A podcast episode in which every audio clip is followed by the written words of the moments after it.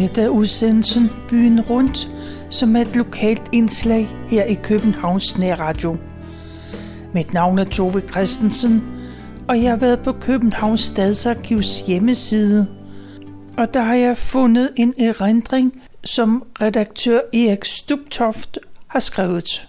Og hans emne er Emdrup Vænge omkring 1940-50. Johansen hed han. Inspektør Johansen. En frygtindgydende inspektør, hvor utrolige evner til at få os børn til at føle os som uvorne knægte.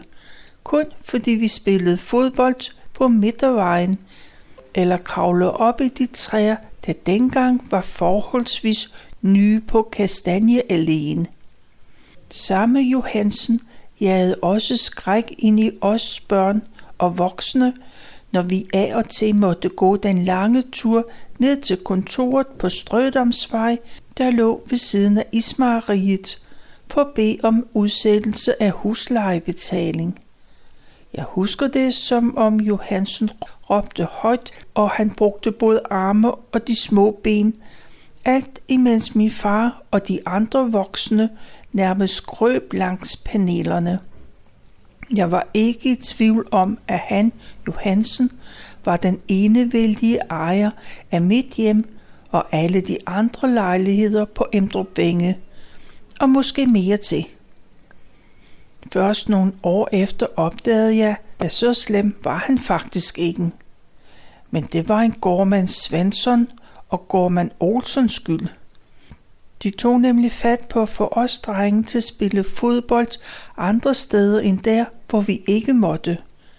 Vi fik anvist en dejlig jordplet på den store mark bag ved den femte række, og der boldrede vi os. Vi lærte at spille rigtig fodbold. Ja, og her forberedte vi os til den turnering, som de to gårdmænd tog initiativ til at arrangere med dem oppe fra banken – det vil sige Emdrup Banke, og oppe fra husene, fra Emdrup Huse. Der var det, at Johansen viste sig som det menneske, som han trods alt var. Da vi lå til at vinde turneringen, som i øvrigt blev spillet oppe på græsplænen ved den gamle restaurant Emdrup Søløst på hjørnet af Tubervej og Emdrupvej, og så troppede Johansen op i sit fine tøj, synes jeg, og da vi vandt, overrakte han en lille pokal for døden. Pokalen kom til at stå nede på hans kontor, og måske var det derfor. Jeg selv fik en præmie som finalens bedste spiller. Det var en nymodens kuglepen. Da vi på kong Christian den 10. fødselsdag den 26. september 1939 flyttede til AAB's moderne byggeri med gode lejligheder til familier med børn. Emdrup der lå på det ydre Østerbro, var det allerede folk, der havde boet der et par år. Men stadigvæk så var det en byggeplads, og jeg selv – var kun fire år, men jeg boldrede mig. Det hørte jeg i hvert fald bagefter. Omgivelserne var jo pragtfulde, når man kom fra den tæt bebyggede Østerbro, og man kom til den luftige områder med masser af plads til opdagelser, til leg og ulykker. Der hvor Emdrup Banke ligger nu, var der flotte marker, som dog snart kom til at ligne en byggeplads og vejen til Emdrup skole, den var lang og blæsende. Der var ikke andet til at tage vinden end de mange flotte kolonihaver. De første år, jeg gik i skole, havde vi slemme vintre med rigtig høje snedriver. Og så var det ikke let at gå den lange vej til skole. Neden for Emdrup Vænge lå marken. Den lille bugtede grønne plads hvor senere Lundehus Sogn fik en areal til at bygge en kirke. Den mark blev brugt til alskens leg for os lidt større børn. Den store sport var at kravle i træer og spille bold. Længere ned ad Strødamsvej havde vi ingen, også med masser af træer til at kravle i og en å til at lege ved. Og det var ikke ufarligt, for det hente, at nogen faldt i åen, og så måtte man vente med at gå hjem til far og mor, til det våde tøj var blevet tørt. Endnu mere spændende var det flere hundrede meter lange grøft oppe ved slusen fra Lundehussøen ned langs Lyngbyvejen. Skråningen var mere end 10 meter høj og meget stejle. Mange af mine kammerater har taget turen oppe fra skråningen og ned i bunden.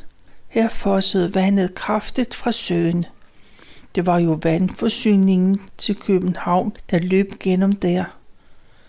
Men der var masser af gamle træer, og der var masser af gemmemuligheder.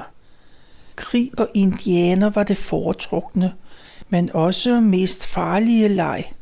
Heldigvis boede de fleste slager Dr. Grønnet lige der, hvor skråningen gik ned under den store gamle bilværksted Heiber.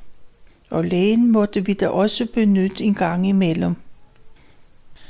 Det var i øvrigt Heiber, som vi af og til havde den glæde under krigen at se ligge i ruiner efter sabotage, fordi de åbenbart havde arbejdet for tyskerne. Krigen var i øvrigt tæt ved os i Emdrup Vænge. Det militære terræn i Ryvangen lå lige ned ved Ryparken. Der var ikke langt fra os.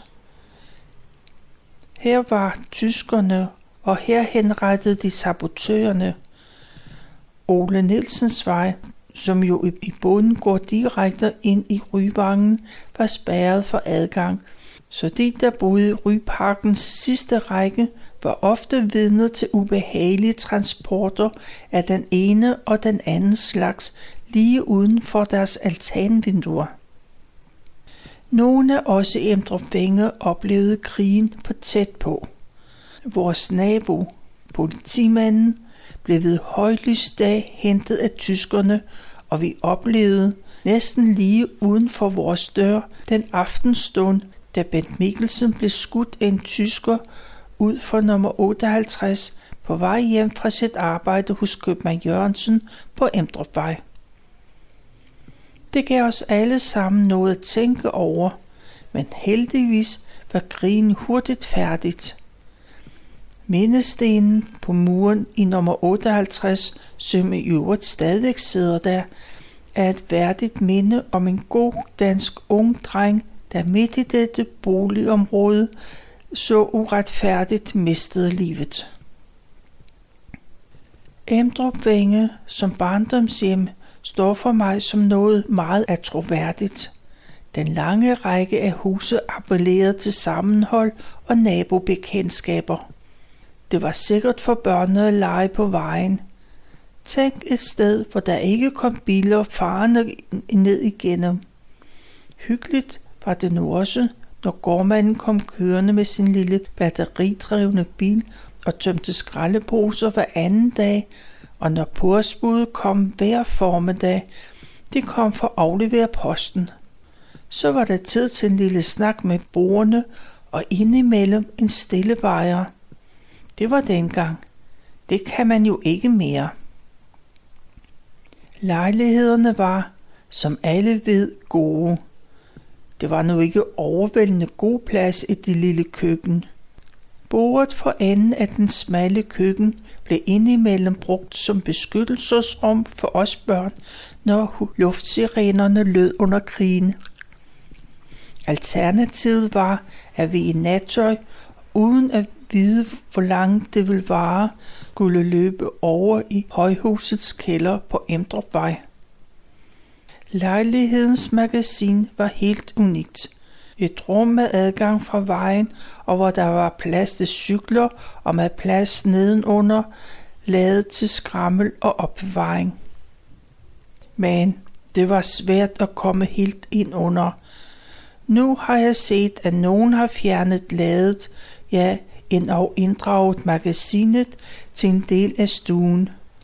Det er en god idé, God idé, som inspektøren Johansen næppe havde tilladt dengang.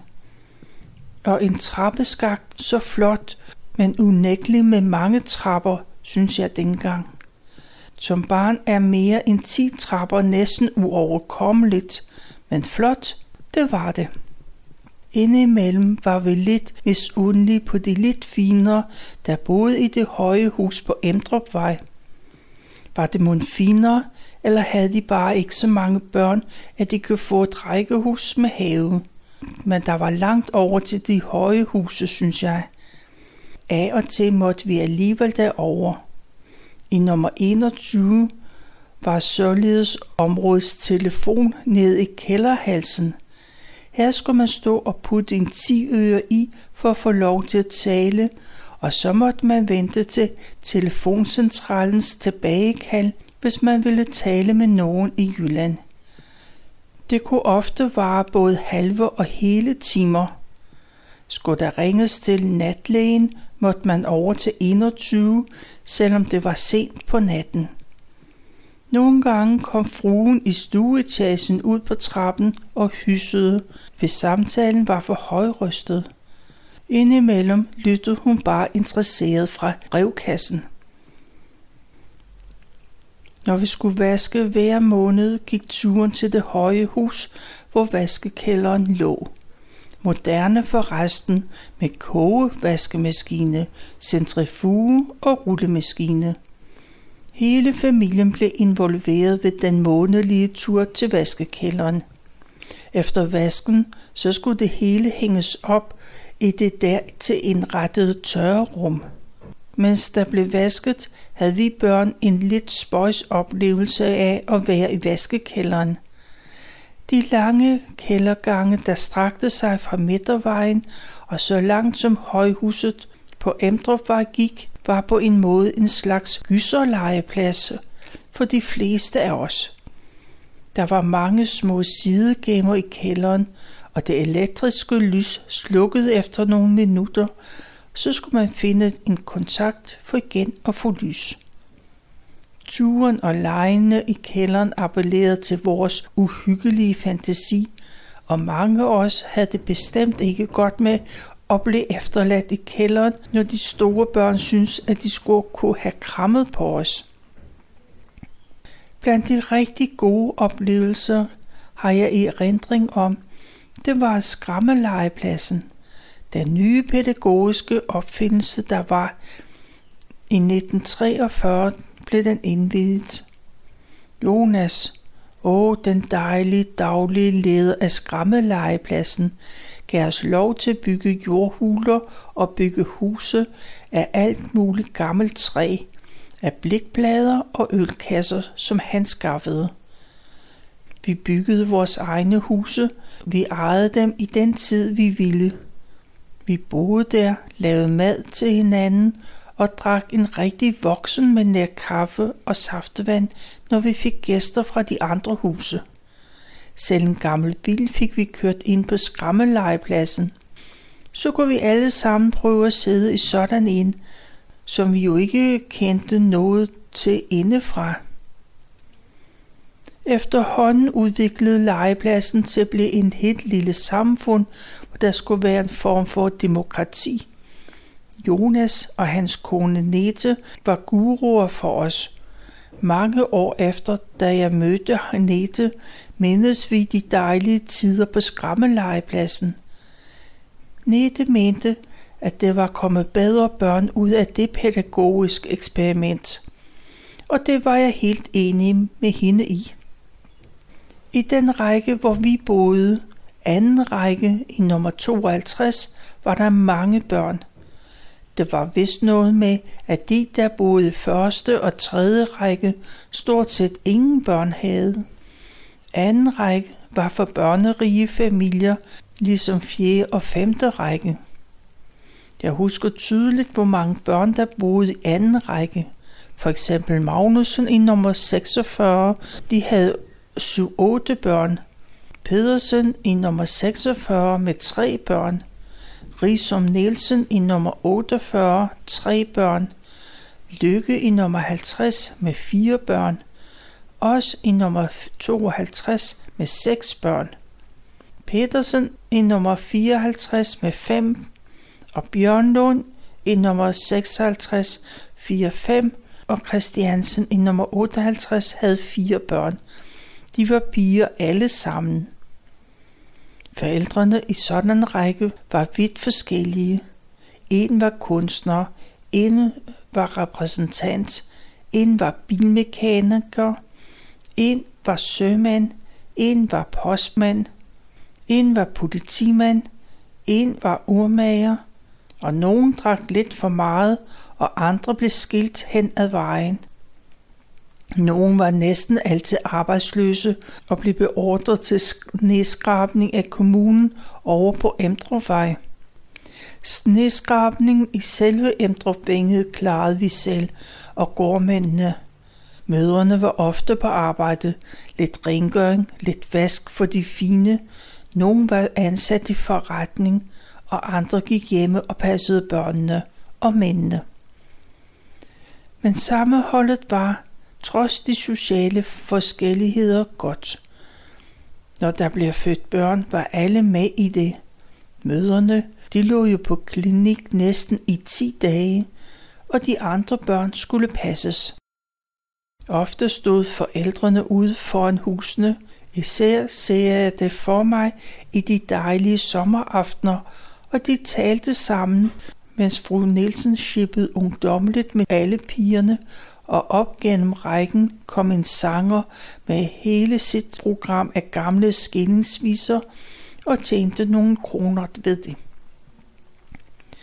Længere ned i rækken, på den anden side af midtervejen, boede fru Tell, som syede tøj mod gode ord og betaling.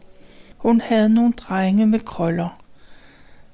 På hjørnet boede Banov, som jeg husker som en skrubhysterisk marineofficer, hvad jeg nu havde fået vide af sønnen, at han ikke var, altså officer. Jo, der kunne skrives mange historier om folk i Emdrup Vænge. Der den søde Jette i nummer 61, hvis far var postbud, og hvis bror Jørgen var en lille, men en god kammerat. I en af de andre rækker boede Annie. Hun var vist nok lidt af en alles pige. Og i femte række boede Skomar Bosse ved siden af vaskehuset, og han havde et hav af børn. Selv en borgmester, Børge H. Jensen, har vi haft boende i rækken. På den tid, hvor vi boede i Emdrup Vænge, var hovedstadens brugsforeningsforretninger på Lyngbyvej stedet, hvor de fleste handlede. Bageren, købmandsforretningen, viktualieforretningen og slagteren hørte til brusen. Vi fik dividende, en form for rabat for alt, hvad vi handlede. Hvert år ved nytår sad vi og talte bongen op, så sendte vi den ind, og så fik vi penge tilbage for at spæde den alt for lille løn op med. Jo, det var godt at være medlem af brugsforeningen. Der var nu også mange andre gode forretninger derovre. I brugsforeningen HB på Lyngbyvej i, i det gamle hus, der på den modsatte side havde indgang til beboerne på Munkeskovvej. Det hus måtte år senere lade livet på grund af Lyngbyvejens udvidelse, men et nyt blev bygget, som I kan se det i dag. Jeg ser for mig barberforretningen, blomsterforretningen, boghandleren, Skov Sæbehus, farvehandleren og et lingeriforretning. Ja, ikke at forglemme apoteket, som altid har været det lokale pilleleverandør lige siden 1940. På hjørnet af Emdrupvej og Lyngbyvej lå Irma. Den lille forretning med Irma-pigen i det skørt med gult forklæde og forretning med den gode kaffe og frisk smør, der er taget direkte fra driklen. Længere henne ad Lyngbyvejen lå en stribe små forretninger, blandt andet en cigarforretning, en trikotageforretning, en legetøjsforretning og Skomer Hermansen, som jeg var bud for om eftermiddagen i en periode. På Emdrupvej var der endnu flere forretninger, som vi fra Emdrup handlede i. Og var der en, der manglede, så blev det skabt. Såvel Vins osteforretning og fiskerhandleren ved siden af Mortensens Marie kom til vare ved at indsamle klingende mønt fra forskellige kunder, som synes, at vi mangler den slags forretninger. Det kan man nok ikke gøre i dag. Det var en rigtig god kiosk, hvis ejer Bonnevi i midlertid må have været meget venlig over for tyskerne under krigen, for pludselig en dag sprang der en bombe, og så var kiosken væk. Den kom sig aldrig rigtig igen som den gode, hyggelige kiosk. Vi måtte ned til den talestærke kommunist Blåse, der hver dag året rundt fra klokken 5 om morgenen til langt ud på eftermiddagen sad i sit lille blikskur nede ved sporvognsstoppestedet for at købe vores morgenavis og ugeblade. På Emdrupvej lå også KABA og Else Sponsholds lille altmulig forretning ved siden af bageren. Hun kunne præstere alt i julegaver og sæbe, og så en lampeforretning og skummer Olsen nede i kælderen. Desuden kunne vi finde to grøntforretninger, Barbier Pedersen, et værtshus, en cykelforretning og en rulleforretning side om side. Og så var der endnu et ismejeri lige over på den anden side af taxaholdepladsen. Det var her den populære Jørgensen og hans kønne kone havde slidt og slæbt og kvikke bemærkninger kom til banke et ismejeri op fra bunden. Og så forlod konen ham. De fleste af os havde et særligt lokalt tilhørsforhold til forretningerne på Emdrupvej. Vi følte, at det var noget af os selv. Vi kendte dem jo. Vi kendte familiernes børn, og havde vi ikke penge en dag, så var det lart med kreditten. Bager Vinter husker vi fra sine gode sider. Blandt andet kunne folk her juleaften få stegt deres flæskesteg i bagerens varme ovne. Det gjorde mange af os, og bar stegen med skysovs og flæskesvær hjem til rækkerne. Vi var trygge ved den unge bager Vinter i modsætning til bagerne Sola på den anden side af Lyngbyvej, som havde haft rotter i bageriet i nat. Og på hjørnet af Tejlstrupvej, der lå købmand Paul V. Jørgensen. Han selv så lidt mærkelig ud, men var ganske rar, og forretningen var god at handle i. Han havde automater udenfor, her kunne man om aftenen trække cigaretter i den ene og lakridskonfekt for 10 øre per pose i den anden. Lige over for købmanden, der boede pastor Botsvi, som vist var den præst, de fleste brugte i Emdrup Vænge. Han havde overbid og en mærkeligt grin, så man som barn næsten kunne blive bange for ham. De fleste børn har det jo med at blive større, og efterhånden flyttede de fleste af de store børn hjemmefra. Det gav med årene et helt andet miljø. Jeg synes allerede, der var blevet kedeligt at bo i Emdrup så vi fik indrettet Emdrup Søgård, bondegården for enden af Kastanjealléen, hvor vi ellers købte frugt, grøntsager og kartofler. Det blev til en ungdomsklub – her opholdt de unge sig om eftermiddagen og aftenen, og åh, det blev så kedeligt for os andre. I førre tiden var de med til at spille langbold, hinke, shippe og andre gode børneleje. Men nu blev de store og følte sig som små voksne. Nu dansede de og kyssede hinanden men vi andre kunne ikke følge med i det, de lavede, deres ungdomsforelskelser og meget andet. Det gik vi nok glip af. Da jeg flyttede fra Emdrup Vænge i 1954, var Emdrup Vænge ikke, hvad det havde været. Når jeg da en gang imellem kommer tilbage til Emdrup Vænge, så går jeg gennem rækkerne. Midtervejen er blevet en meget mindre med tiden. Vejen imellem rækkerne er blevet kortere og smallere. Jeg erindrer ved hvert eneste hus, hvem der boede der. Jeg hilser i fantasien på Henrik, Freddy, Ingelise, Gerda, Paul, Johnny, Hasse, Kirsten og hvem jeg har været heldig at møde, selvom vi ikke har kendt hinanden igennem så mange år. Selvom vi ikke kan kende hinanden igen så mange år efter. Jeg mindes de gode gamle Emdrupvænge, Arbejdernes Andelsforening opførte for mere end 60 år siden som en rigtig god sted at vokse op og bo. Jeg håber, at I, der bor der i dag, synes det samme. Det er, hvad redaktør Erik Stubtoft har skrevet om øh, sin barndom i Emdrup fra sidst i 1940 til 50. Og man kan læse det på Københavns Stadsarkivs hjemmeside. Der kan man også finde en lille beretning om Brøndshøj Boldklub, og det er Mogens Bille, der skriver.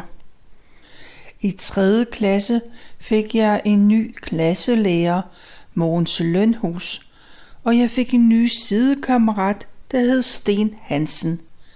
Stens far var træner eller leder ned i Brøndshøj Boldklub på marken ved Rådvadsvej.